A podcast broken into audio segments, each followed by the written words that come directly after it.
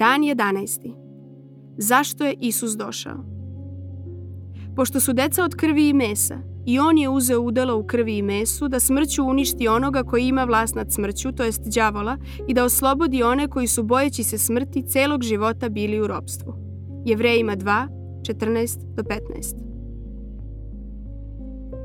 Mislim da je Jevrejima 2, 14 do 15 moj omiljeni adventni tekst, jer ne znam ni jedan drugi koji tako jasno izražava vezu između početka i kraja Isusovog zemaljskog života, vezu između utelovljenja i raspeća.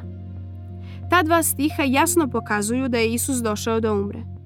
Oni mogu sjajno da vam posluže da svojim neverujućim prijateljima ili članovima porodice objasnite svoj hrišćanski pogled na Božić korak po korak. To bi moglo da zvuči otprilike ovako, ako objašnjavate izraz po izraz, pošto su deca od krvi i mesa. Reč deca potiče iz prethodnog stiha Jevrejima 2.13 i odnosi se na duhovno potomstvo Hrista, Mesije, koje se zove i Božija deca. Drugim rečima, Bog je šaljući Hrista posebno imao na umu spasenje svoje dece. Istina je da je Bog toliko voleo svet da je dao Isusa, ali je istina i da je Bog posebno hteo da okupi rasejanu Božiju decu. On je naumio da ponudi Hrista svetu i da sprovede spasenje svoje dece. Ako primite Hrista, Bog će vas usvojiti kao svoje dete. I on je uzeo udelo u krvi i mesu.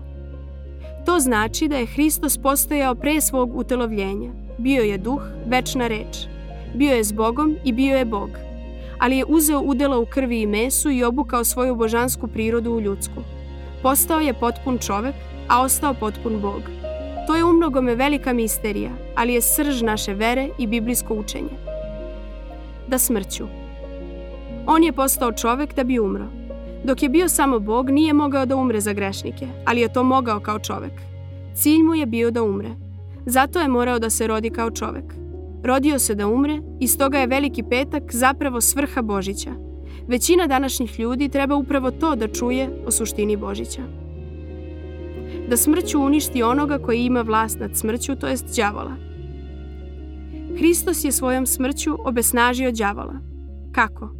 Tako što je pokrio sav naš greh. To znači da satana nema pravosnažnu osnovu da nas optužuje pred Bogom. Ko će podići optužbu protiv Božijih izabranika? Zar Bog koji opravdava?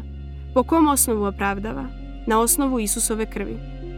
Naš greh je najjače oružje koje satana ima protiv nas. Ako ga Isusova smrt uklanja, to znači da je đavolu glavno oružje istrgnuto iz ruke, jedino smrtonosno oružje koje je imao. Više nema osnovu da sastavi optužnicu i traži našu smrtnu kaznu, jer nas je sudija proglasio nedužnima na osnovu smrti svog sina. I da oslobodi one koji su bojeći se smrti, celog života bili u robstvu. Dakle, oslobođeni smo straha od smrti. Bog nas je opravdao i satana ne može da promeni tu Božju odluku.